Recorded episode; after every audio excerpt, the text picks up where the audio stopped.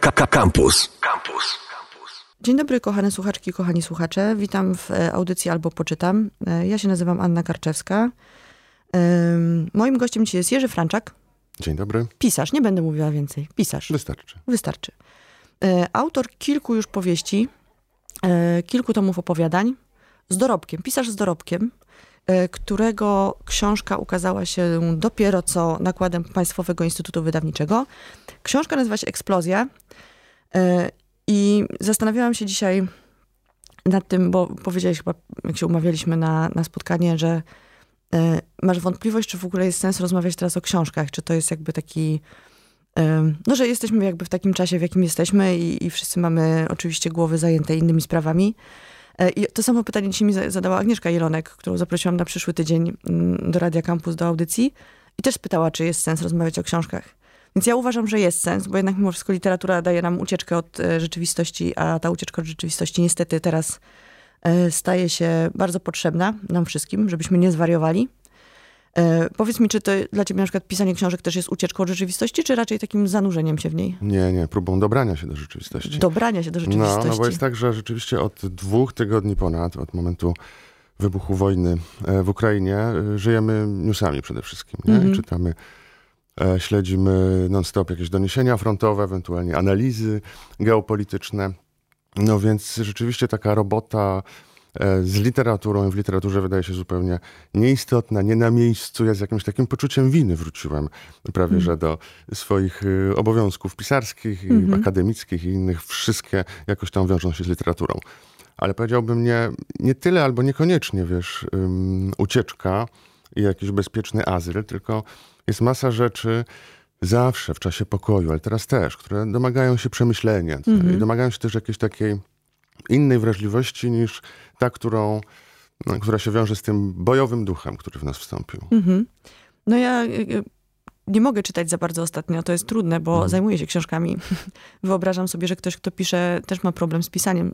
Chyba Szczepan Twardoch napisał, że jakiegoś takiego posta, że nie da się ani pić, ani czytać, ani pisać, ani bawić. W zasadzie nic nie można teraz robić. E, Ja będę stała na, e, na straży jednak e, spokoju ducha i dobrego samopoczucia słuchaczek i słuchaczy i będę im cały czas proponowała książki e, i będę je czytać, e, nawet jeżeli zajmie mi to więcej czasu niż zazwyczaj. E, Napisałeś książkę kilka lat temu, zacząłeś ją pisać i mam wrażenie, że rzeczywistość trochę dogoniła twoją książkę, bo mm, rozmawialiśmy o tym, że ciężko jest streścić książkę, ale musimy to zrobić, bo czy, Mhm, e, słuchaczki i słuchacze niestety prawdopodobnie jeszcze jej nie czytali, bo dopiero się ukazała. Czy spróbujemy ją jakoś streścić? Tak, ale mogę od anegdoty zacząć? Tak, możesz, oczywiście. Bo wiesz, miałem taką fantazję, żeby napisać powieść postapokaliptyczną, czyli zacząć od wielkiego kataklizmu i spróbować sobie wyobrazić, co będzie potem. No, znamy Mhm. masę takich opowieści, filmów, nie? I nie wyszło mi to tak naprawdę. I zrobiłem mm, jakby wszystko na odwrót. Mhm. To znaczy, najpierw y, wykonałem taki manewr mikrominiaturyzacji, więc ta apokalipsa jest taka mała, kieszonkowa, powiedzmy, bo chodzi o eksplozję tytułową, wybuch, do którego dochodzi w pewnym krakowskim lokalu, takiej restauracji, winiarni i e, ośmioro z dziewięciorga głównych bohaterów prawdopodobnie e, ginie, traci życie w tym, e, w tym wybuchu, ze sprawą tego wybuchu. E, No i odwróciłem też jak gdyby kolejność, to znaczy zacząłem opowiadać do tyłu, Mhm. czyli ten czas, który wypełniony był rozmowia, rozmowami takimi błahymi, nieraz takim byciem razem, tuż przed wybuchem, ale potem właziłem coraz głębiej w ich życiorysy, w ich historie rodzinne, też na różne sposoby splecione z wielką historią e, XXI-XX wieku. Także to jest, y, tak jakbym się odwrócił plecami trochę do, Mhm. e, tego, do tej katastrofy i spróbował bardzo dokładnie przyjrzeć się życiorysom tych wszystkich y, osób, które przypadkowo znalazły się nieszczęśliwie w tym miejscu. E, Ale z drugiej strony te ich życia i te ich życiorysy, które e, opisujesz i które narrator nam opowiada, nie tłumaczą eksplozji tytułowej. W sensie to nie jest tak jak w Memento, że mamy koniec i potem cofamy się, żeby poznać jakąś praprzyczynę tego wydarzenia, tylko po prostu są historie i one się w pewnym momencie dosyć brutalnie kończą tym wybuchem. I teraz, kochane słuchaczki, kochani słuchacze, my wam nie spoilerujemy książki, bo to nie jest tak, że ta eksplozja wydarza się na końcu. wydarza się też na końcu, ale wydarza się przez cały czas tak naprawdę. E, więc nie zdradzamy wam zakończenia książki. E, przy jakiejś e, niewielkiej dozie e, zastanowienia się, jeżeli tytuł brzmi Eksplozja, możemy uznać, że ona wystąpi w e, fabule książki. E, Jest tam postać Filipa, e, szczególnie mi bliska. Filip jest jedyną osobą, która nie ginie, a która generalnie zginąć chce. I to jest w ogóle dosyć ciekawe. E, Teraz ja powiem anegdotę. Ostatnio na kanwie tego wszystkiego, co się dzieje, mm, powiedziałam swojej przyjaciółce, że bardzo bym chciała, żeby jednak mimo wszystko jakaś bomba walnęła i żeby to wszystko się skończyło, że mam taką fantazję. I ona powiedziała, że znając moje szczęście, okaże się, że ta bomba będzie miała blind spot i zginą wszyscy poza mną. I pomyślałam sobie, że Filip jest taką trochę osobą właśnie, która chodzi na, znaczy jakby interesuje się, y, ogląda filmy katastroficzne, ogląda filmy y, apokaliptyczne, y, bardzo chce zakończyć swoje życie i z jakiegoś powodu los mu odmawia tego rozwiązania, natomiast cała reszta ludzi, która jest w trakcie swojego życia jest oczywiście no, szczęśliwsze, nieszczęśliwe, w przypadku różnych postaci różnie to wygląda, ale oni chcą żyć dalej, ale odbierasz im tę możliwość, uśmiercasz ich po prostu. Ale chcesz zapytać, dlaczego tak robię? Chcę zapytać cię bardziej o to, co daje pisarzowi, y, jakie możliwości daje pisarzowi uśmiercenie swoich bohaterów? Tak jak ci powiedziałem, wiesz, ym, albo powiem inaczej. E, Wszyscy trochę żyjemy nie tyle w cieniu, co w- blasku właśnie różnych katastroficznych wydarzeń. One Mhm. oświetlają nasze życie. Zupełnie inaczej patrzymy na wszystko, tak jak, tak jak teraz, prawda? Od, Mhm. ym, od, od, od, od wybuchu, y, od momentu wybuchu wojny. Mm, No więc y, to oczywiście jest taki, jest w tym trochę perwersji, prawda? Że No właśnie, do tak sobie życia pomyślałam, że to jest perwersja. Mhm. powołuje do życia tych y, całkiem sympatycznych na ogół e, ludzi, skazuje ich na gwałtowną śmierć e, w płomieniach i to taką bezsensowną, nie, niewyjaśnioną Mhm. ostatecznie i, i trudną do jakiegokolwiek uzasadnienia, bo to nie jest tak, że w jakikolwiek sposób y, fabuły ich życia wiążą się, tak jak powiedziałaś, z tym, z tą y, y, śmiercią. I teraz pytanie, co z tym zrobić, to jest pytanie, mm, z którym musi sobie czytelnik poradzić. Wiesz? Mhm. Czy w tym jest jakaś celowość, czy to jest domena czystego przypadku? No właśnie, bo ten przypadek to jest też coś, co, co jest bardzo interesujące. W, e, mm, wczoraj zastanawiałam się nad tym, czy to jest ta, e, ten rzut kostką, o którym e, była mowa na spotkaniu twoim autorskim. Mnie się bardziej kojarzy ta, e, ten zabieg i ta fabuła z takim rozrzuceniem talii kart. Bo to jakby rzut kostką to jest jakby jeden, jedno oczko, dwa oczka, trzy oczka, jedna jakby możliwość, która wypada, a ty jakby rozrzucasz te karty i tak naprawdę ktoś, kto czyta tę książkę, musi sobie z tych kart dopiero poukładać jakiegoś swojego pasjansa. Nie dajesz odpowiedzi na żadne pytania w, w tej książce w zasadzie. To też jest trochę perwersyjne. Powiedziałeś wczoraj, że, ta, że ta, cała ta książka jest w, e, w trybie pytania. Wiesz co, bo wydaje mi się, że w ogóle mamy problem z przypadkiem. My Mhm. ludzie, mówię tak bardzo grubo teraz. To znaczy, wiele rzeczy, które robimy, te narracje, które snujemy, em, są y, na, na to nakierowane, żeby zapanować jakoś nad Mhm. przypadkiem, oswoić tak, taką jego straszną skandaliczność. E, Zra, znamy zresztą tę frazę, to nie był przypadek. Mhm. Nie? I to jest to, ten ratunek, który nam, e, koło ratunkowe, które nam rzucają na przykład zwolennicy teorii spiskowych. Mhm. Coś nie jest Albo religia. nie jest przypadkiem na przykład, że niedawno, Mhm. oto jedna z, z moich ulubionych, z, z tych najnowszych, że niedawno przeprowadzono spis powszechny. Prawda? O- okej. wiążesz to z, z wydarzeniami, które mają miejsce Mhm. teraz i nagle rozumiesz w świetle tego, co się dzieje teraz, wszystkich eksplozji, które, e, które teraz mają miejsce za naszą wschodnią granicą, rozumiesz wydarzenia, które e, miały miejsce wcześniej. I wiesz, no, przeprowadźmy taki eksperyment. Wyobraź sobie, że malutki meteor leci w stronę Ziemi, Przebija się, przebija się przez, przez te wszystkie powłoki atmosferyczne i coś z niego zostaje. I trafia akurat w Wyspę Wielkanocną. Mhm. Czyli najmniejszy kawałek lądu, który jest na środku Oceanu Spokojnego. I teraz spróbuj sobie pomyśleć, przypadek czy, e, czy nie jestem przypadek. Pomyślenie przypadku jest niezwykle trudne. Oczywiście, że tak. Zresztą ostatnio była taka sytuacja, że mm, i to naprawdę się wydarzyło, że jakaś pani obudziła się ym, w Stanach Zjednoczonych z dziurą w dachu i z y, właśnie fragmentem jakiejś skały e, na poduszce obok. W sensie nie zabiła jej ta, e, ta skała i oczywiście było wielkie dochodzenie, czy to z okolicznej budowy, czy ktoś jej wrzucił w ogóle ten kamień specjalnie i okazało się, że to był meteor właśnie, fragment meteoru. Więc, ym, więc tak, to jest przypadek. Nie da się tego inaczej wytłumaczyć. Albo y, jeżeli ktoś w to wierzy, to wola Boża. Trochę też się zastanawiałam, jak, jak czytałam tę książkę, nad tym, że mm, nasze życie jest jakoś pewnie determinowane i też e, bardzo dużo ostatnio, znaczy być może to już trochę odchodzi w, w niepamięć, ale były te wszystkie takie e, wszyscy coache mówili, że jesteś panem swojego losu i jakby jesteś za niego odpowiedzialny i możesz po prostu podjąć różne decyzje, które sprawią, że będziesz, nie wiem, piękny, młody i bogaty. E, natomiast e, jakby wychodzi na to, szczególnie właśnie w kontekście tego, co się dzieje ostatnio e, i pandemii, i wojny, i różnych innych dopustów, że tak naprawdę nie mamy najmniejszego wpływu na to, co się dzieje i możemy sobie robić plany, a potem się okazuje właśnie, że ktoś za nas podjął jakąś decyzję inną. I ty tych bohaterów swoich trochę w takiej sytuacji stawiasz. Myślałam też o tym, że bardzo dużo osób, znaczy takie mam wrażenie, ja tak mam w każdym razie, że czasami się zastanawiam, co bym zrobiła, gdybym miała na przykład, nie wiem, rok życia, tak, żebym jakby wiedziała, kiedy to się skończy.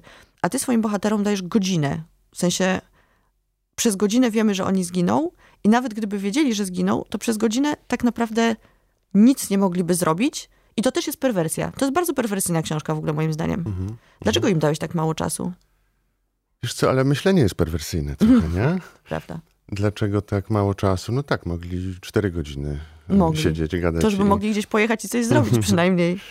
E, jak pamiętasz, są takie momenty w tej powieści, że zastanawiam się, co by było, mhm. gdyby e, wiedzieli, że to ostatnie chwile ich życia. No i to, to nie są ciekawe scenariusze, prawda? Mhm. Więc cała jeszcze inna perwersja polega na tym, że nie wiedząc o tym i pomimo tego, że została im jedna godzina, oni niekiedy bardzo dobrze wykorzystują ten czas. Mhm. Po to, mhm. żeby pobyć razem, żeby e, się pozwierzać. E, oczywiście też nie mówią sobie różnych rzeczy. Mhm. I ten mój narrator, który bardzo dużo wie um, i, i, dużo wiedział i dużo widział, um, opowiada to wszystko, o czym milczą bohaterowie. Ale to niekoniecznie jest tak, że wszystko musi zostać e, wypowiedziane w, w tej ostatniej chwili, nie, ani, ani tak, że musi się jakoś zamknąć jakąś kodą, jakimś tadam, podsumować, prawda? Mamy cały czas taką potrzebę, taką mhm. słabość, prawda? Ostatnie słowa wielkich ludzi. Mhm. Mhm. Tak, ale jest też, myślałam sobie o tym, że każda śmierć tak naprawdę jest jakąś taką kameralną apokalipsą naszą własną. E, nasze życie się po prostu czasami potrafi skończyć zupełnie bez e, uprzedzenia. E, a ty ustawiasz tych wszystkich ludzi, usadzasz ich w winiarni. Tak jak powiedziałeś, oni spędzają miło czas, spotykają się z ludźmi, których lubią, no bo po co mieliby się spotykać na winie z ludźmi, których nie lubią. Jest ten jeden bohater, który siedzi sam, tyłem, jakby zaprzecza całemu temu, te, nie wiem jak to ładnie powiedzieć, no takiemu nastrojowi, przyjemności życia i lekkości życia, no bo z czym się kojarzy winiarnia i tam jest jeszcze koncert klezmerski, na który e, wszyscy czekają. E, I to jest taka sielankowa scena, w którą ty wpuszczasz po prostu e, ogień i palisz wszystkich bez e, żadnego znaczy, wydaje mi się, że nie zostawiasz y, ludziom, którzy czytają takiego, takiej opcji, jak czasami jest w filmach, że a może on jeszcze wstanie, albo może na przykład, może to jednak się nie wydarzy. Y, ale na spotkaniu powiedziałeś coś takiego, że być może ta apokalipsa się nie wydarzy jednak, nie wydarzyła. Że to jest takie no bo ona... domniemana eksplozja. Mhm. No bo y, właściwie ona nie jest opowiedziana, prawda? Mhm. Tylko jest zapowiedziana, zapowiadana bezustannie. Już za chwilę, już za godzinę, już za półtorej godziny i tak dalej. W związku z czym y, no może, można też tak powiedzieć, że mhm. wszyscy mamy przed sobą tego rodzaju apokalipsę i próbujemy żyć pomimo to. Mhm. Prawda? I cieszyć się małymi rzeczami, tak jak oni. Więc wiedza, wiedza o tym tak naprawdę niewiele by zmieniła. Tam jest jeszcze jeden taki y, wątek, który obsesyjnie powraca, bo mówimy o tej takiej przygodności, przypadkowości, prawda? Mianowicie te wszystkie historie rodzinne, bo powiedziałaś koncert, koncert klezmerski. No, mhm. Rzeczywiście to jest ten koncert klezmerski wpisuje się w tę potężną turystyczną symulację, mm -hmm. jaką jest Kraków e, żydowski, prawda? Mm -hmm. Symulację wymyśloną, wygenerowaną na potrzeby e, niezliczonych milionowych turystów, którzy -hmm. przyjeżdżają na Kazimierz, prawda, e, krakowski i, i, i robią wycieczki do Auschwitz. Mhm. I tam są też bohaterowie, którzy, którzy podążają tym śladem. No więc kolejna perwersja, ta winiarnia, mm, w której dochodzi do eksplozji i okazuje się, że drzwi do lokalu są zamknięte, więc zagadka się dubluje. Nikt nie wyjdzie. Aha. No trochę przypomina jakąś taką komorę, prawda, w, której, w której dochodzi do mm, eksterminacji mm, absolutnie wszystkich.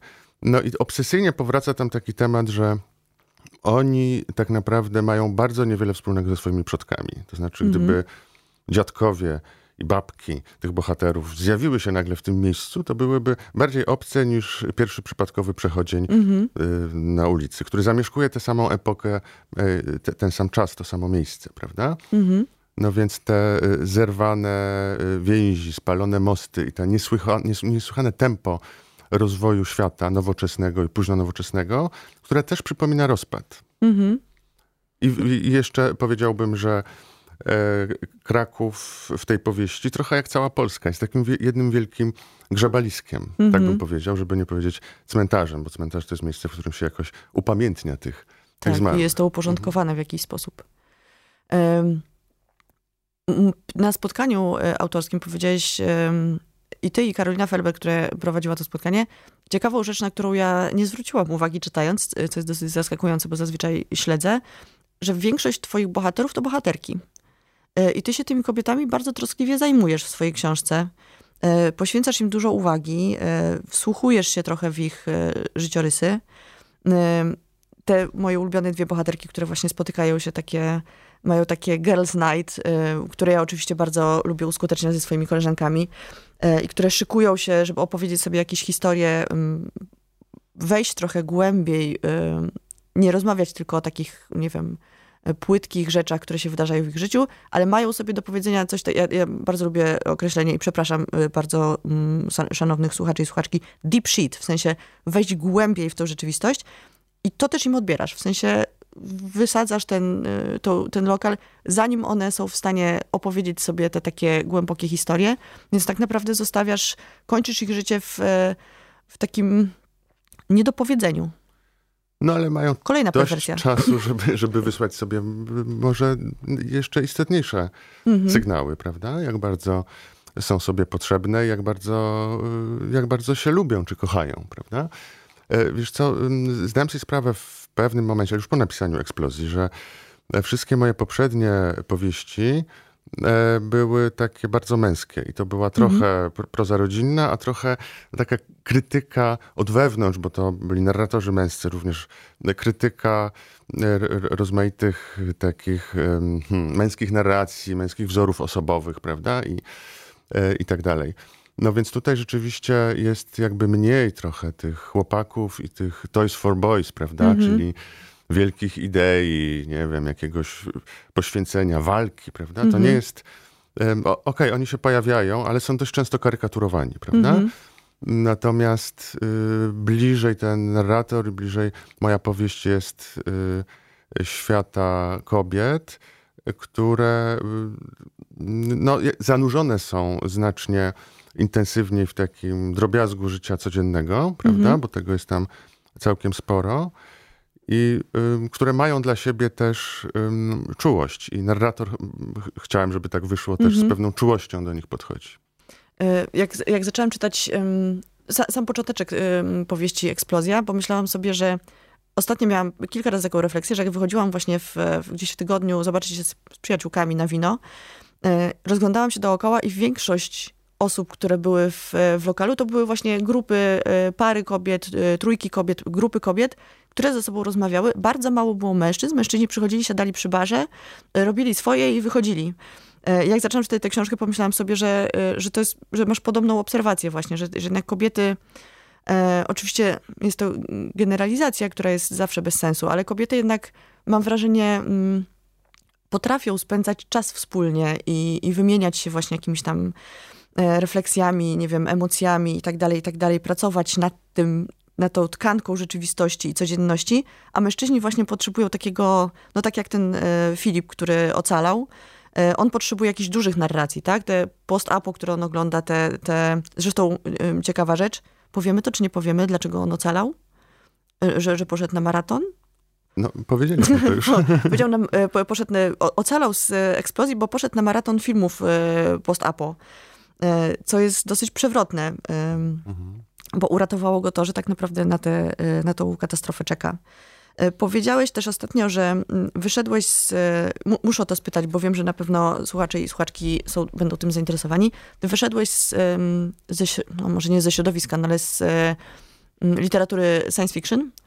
E, Takie pisałeś rzeczy na początku, takie rzeczy czytałeś i chciałam, żebyś powiedział, kogo czytałeś i co ci to zrobiło Aha. z, z, tej, z, tej, z No tego to były moje kawałka. całkiem pierwsze e, lektury, to znaczy nie mówię o nudzie lektur szkolnych, Mhm. którą wszyscy znamy, tylko mm, o czymś, co odkryłem sam dla siebie. W wieku bardzo młodym, 12 lat, może Mhm. 13, ale s- s- sporo czytelników fantastyki właśnie w tym wieku. I to były lata 90., więc Mhm. y, okres niesamowitego boomu.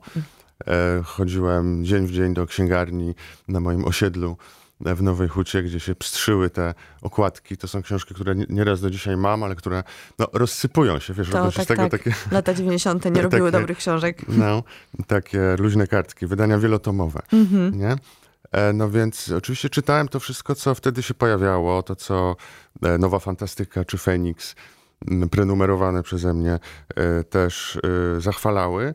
No ale dość szybko znalazłem swoich autorów Mhm. i, i, i tym, który, który był moim pierwszym wielkim e, idolem, em, pozostał Philip Dick. Wtedy Mhm. nie miał jeszcze statusu takiego autora kultowego, nie było tych aż tylu ekranizacji Mhm. e, jego powieści i opowiadań. I to, to było coś bardzo mojego. Taka obsesja, e, którą się chyba zaraziłem e, na punkcie realności, prawda? Czy Mhm. świat, w którym żyjemy jest naprawdę realny, czy też to jest jakaś wielka symulacja, wmówienie, halucynacja, etc. E, To jest w ogóle bardzo ciekawe, bo e, już kilka razy rozmawiałam z różnymi osobami o tym, że literatura ga- gatunkowa w ogóle w Polsce e, i pewnie też na świecie jest czasami traktowana po macoszemu, że to, że ktoś pisze kryminał albo fantastykę, albo fantazy, to jest takie, no dobrze, jakby fajnie, że napisał fajną książkę, ale raczej nagrody literackiej za to nie dostanie, bo to gatunek. Przy czym właśnie są przykłady takie jak Philip Dick, które bardzo jasno pokazują, czy nie wiem, Chandler w kryminałach, bardzo jasno pokazują, że z e, literatury gatunkowej da się wykręcić arcydzieło w zasadzie, bo nie boję się tego określenia w przypadku Dicka. E, I też to, co powiedziałeś na początku, że Dick się dobiera do rzeczywistości. To jest, myślę, dobre określenie. Nie, nie ucieknie się od rzeczywistości czyta, czytając Dicka, wbrew pozorom, e, ale faktycznie można się do niej e, nieźle dobrać i być może zadać sobie dużo więcej ciekawych pytań, niż czytając na przykład e, filozofów, którzy są, mają wysoki próg dostępności dla Mhm. takich ludzi, którzy, nie wiem, nie studiują filozofii, nie interesują się tym, No a Dick zadaje filozoficzne pytania. Mhm. Na przykład ym, powiedziałbym, że Gwiezdne Wojny są ucieczką od rzeczywistości, Mhm. prawda? Świat y, no, walczących ze sobą rodów, które dysponują jakąś e, super techniką i strzelają do siebie laserami. Natomiast y, te opowieści Dicka nie są ucieczką właśnie, prawda? Bo to jest niby e, przyszłość, niby tam mamy jakichś telepatów, jasnowidzów i, i, i rozmaite super roboty, ale to jest świat rządzony przez e, drapieżny kapitalizm, przez wielkie korporacje, prawda? Rozdrobniony, zatomizowany przez, e, przez właśnie przepływy pieniądza, wielkie zarządzanie ludźmi. I to znakomicie portretuje nasze czasy, chociaż w domenie wyobraźni. Więc o tym mówiłem, że literatura jest potrzebna również teraz, nawet teraz, jeżeli, jeżeli znajdziemy e, chwilę e, czasu i, i będziemy mieli wolny umysł e, na tyle, żeby, żeby się nią zająć, dlatego, że może nas przybliżyć do rzeczywistości albo pozwolić popatrzeć na nią, e, w- spojrzeć na nią w, pod innym kątem, w innym świetle ją ujrzeć. No, ostatnio właśnie w, w kontekście tego, co się dzieje w Ukrainie, bo prawie wszystko ostatnio jest w tym kontekście, bardzo dużo osób i, i potem też media to podchwyciły, dawały listę lektur, które pozwolą zrozumieć to, co się dzieje na wschodzie. Uważam, że to oczywiście du, duże nadużycie, bo uważam, że nikt nie jest w stanie tego zrozumieć przy zdrowych zmysłach, ale faktycznie literatura y, czy, czy reportaż y, dają nam odpowiedzi na różne pytania y, i też wprowadzają jakiś, jakiś porządek, mam wrażenie, w tą chaotyczną rzeczywistość. Ale ja też jestem zdania, że czytanie książek, które nie mają nic wspólnego absolutnie z tym, co się dzieje współcześnie, też potrafi nam jakby dać odpowiedzi i poukładać w głowie i dać przede wszystkim spokój, którego chyba wszyscy teraz bardzo mocno potrzebujemy. Y, Wspomniałeś jeszcze drugie nazwisko ostatnio, y, o, o którym muszę powiedzieć, bo jest to absolutnie jeden z moich najukochańszych pisarzy, czyli Kurt Vonnegut.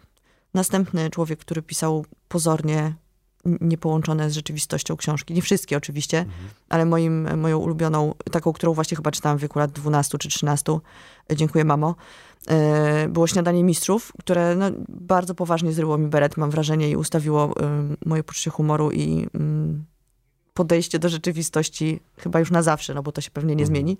Właśnie to takie podchodzenie i być może to mnie trochę ratuje w tej sytuacji, która jest teraz, podchodzenie do, do wszystkiego tak jakby to nie było do końca poważne jednak mimo wszystko. Bo jak się spojrzy z boku, to nawet największy dramat y, czasami potrafi być po prostu zabawny.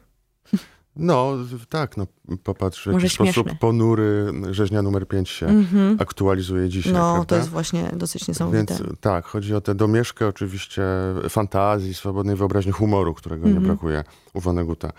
Ja bym też powiedział, trochę odchodząc od, od tych pisarzy science fiction, a nawiązując do poprzedniego naszego wątku, bo mówiliśmy o mężczyznach i kobietach, że jest cała masa takich rzeczy, które dzieją się współcześnie, myślę o tych ostatnich tygodniach, Mhm. a których nie dostrzegamy, ponieważ jesteśmy skupieni na tych przesuwających się liniach frontów i e, walczących ze sobą e, armiach Mhm. chłopakach, mężczyznach, prawda? E, Rzeczy, które się dzieją, a na, na które uwrażliwia nas jakoś literatura. No więc to jest na przykład potężna e, maskulinizacja, umężczyźnienie, prawda? Na powrót, odejście od tych takich nie wiem, rozmytych, skwirowanych e, wzorów męskości, które, nad którymi pracowaliśmy w, czasie pokoju, prawda? I o, o, o których też się wykłócaliśmy, żeby, żeby było dla nich miejsce. To wszystko znajduje się nagle w cieniu, je- jeżeli nie w odwrocie. Więc jest cała masa takich e, wymiarów rzeczywistości, które zostają przysłonięte przez, e, przez narracje wojenne. Mhm. I, i, to są sprawy, które ogromnie mnie mm, niepokoją, Mhm. kiedy, kiedy mm, czytam doniesienia prasowe e, ostatnich dni. Taki triumfalizm wojenny. Cieszymy się, kibicujemy słusznej stronie, ale zarazem mm, bierzemy udział w, y, w walkach i cieszymy się z, ze zniszczeń i ze śmierci. No tak, to prawda. To jest, e, ostatnio ktoś zwrócił na to uwagę, że jakiś bardzo podekscytowany dziennikarz na antenie radiowej powiedział, że e, Ukraińcy zniszczyli tam, nie wiem, cztery czołgi e, rosyjskie i był taki po prostu tak podekscytowany, jak to była informacja, że nie wiem, ktoś komuś strzelił na przykład cztery bramki. E, I to też jest dosyć absurdalne. Czy ty masz potrzebę, żeby jak już oczywiście zaczniemy, jeżeli zaczniemy wracać do normalności, napisać książkę, jakby prze, przerobić to, co się dzieje w jakiś sposób na literaturę? Nie mówię oczywiście To, o napisaniu książki teraz? wojennej, tak, ale Aha. jakoś odpowiedzieć na tą rzeczywistość, którą mamy teraz. Wiesz co, tak, być może tak, ale piszę o tym, co staje się częścią mojego doświadczenia. Mhm. Opowiem ci, y, opowiem ci znowu anegdotą, tym razem ponurą, e, z dworca w Przemyślu, którą mi e, zrelacjonował mój przyjaciel dzi- działający tam w rozmaitych akcjach pomocowych.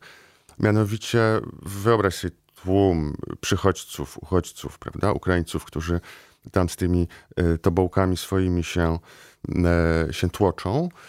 E, I, no i właśnie wszystkich wolontariuszy, którzy pomagają. I nagle komuś wypadł z ręki wielki garnek. Rozległ się straszny hałas i wszyscy padli na ziemię. Nie, wait, nie wszyscy. Ci, którzy mieli za sobą doświadczenie wojenne. I to jest coś, prawda? Czyli padli wszyscy oprócz e, wolontariuszy, oprócz miejscowych. Mhm. Tak? I to jest Przerażające to dosyć. jest straszne. Ale to jest. Ta anegdota, jeżeli to nazwać anegdotą, no ta historia em, opisuje też to, w jaki sposób doświadczenie wpisuje się w nasze reakcje, w naszą nieświadomość, w nasze ciało, prawda? W takie nieuwarunkowane zupełnie odruchy. Więc nie dałbym sobie prawa do pisania na przykład o doświadczeniach wojennych widzianych od środka. Mhm. Natomiast y, oczywiście no, bardzo, bardzo mocno jestem zaangażowany w różną, w, taką rozmaitą działalność y, pomocową i rozpoczynam też działania integracyjne związane z, z, z tą rzeszą y, Ukraińców, którzy się tu pojawiają i którzy, którzy będą współmieszkać z nami. Więc to na pewno jest y, wielki temat, bo to są też wielkie zmiany i rzeczy, z którymi zostaniemy już. Mhm. E, Musimy niestety powoli kończyć, zawsze te rozmowy są za krótkie. Ja chciałam m, bardzo was zachęcić do sięgnięcia po książkę Eksplozja, o której rozmawiamy, Jerzego Franczaka. Bardzo was zachęcić do pomagania, do bycia życzliwymi, ale mój apel po dwóch tygodniach jest taki, y, i moja obserwacja, że bardzo was również proszę, żebyście odpoczywali czasami i dawali sobie właśnie y, moment oddechu, y, wagary od tego wszystkiego, co się dzieje, bo być może potrwa to długo i jesteśmy po prostu potrzebni w dobrym zdrowiu psychicznym i fizycznym sobie nawzajem i, i, i tym przychodźcom, którzy, którzy do nas przyjeżdżają. Bardzo Ci dziękuję za rozmowę. Dzięki. Mam nadzieję, że y, kochane słuchaczki, kochani słuchacze po książkę sięgną. Zachęcam też do obejrzenia bardzo ciekawego spotkania autorskiego, e, które jest na Facebooku e, Państwowego Instytutu Wydawniczego.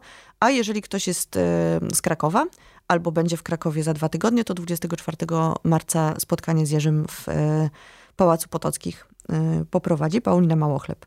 Pozdrawiamy serdecznie. E, bardzo dziękuję, dziękuję za rozmowę, dziękuję za uwagę. Dzięki. W przyszłym tygodniu Agnieszka Jelonek z książką o relacjach, która nie ma nic wspólnego z wojną e, i mam nadzieję, że uda nam się jakoś tego tematu wyjątkowo uniknąć przez chwilę.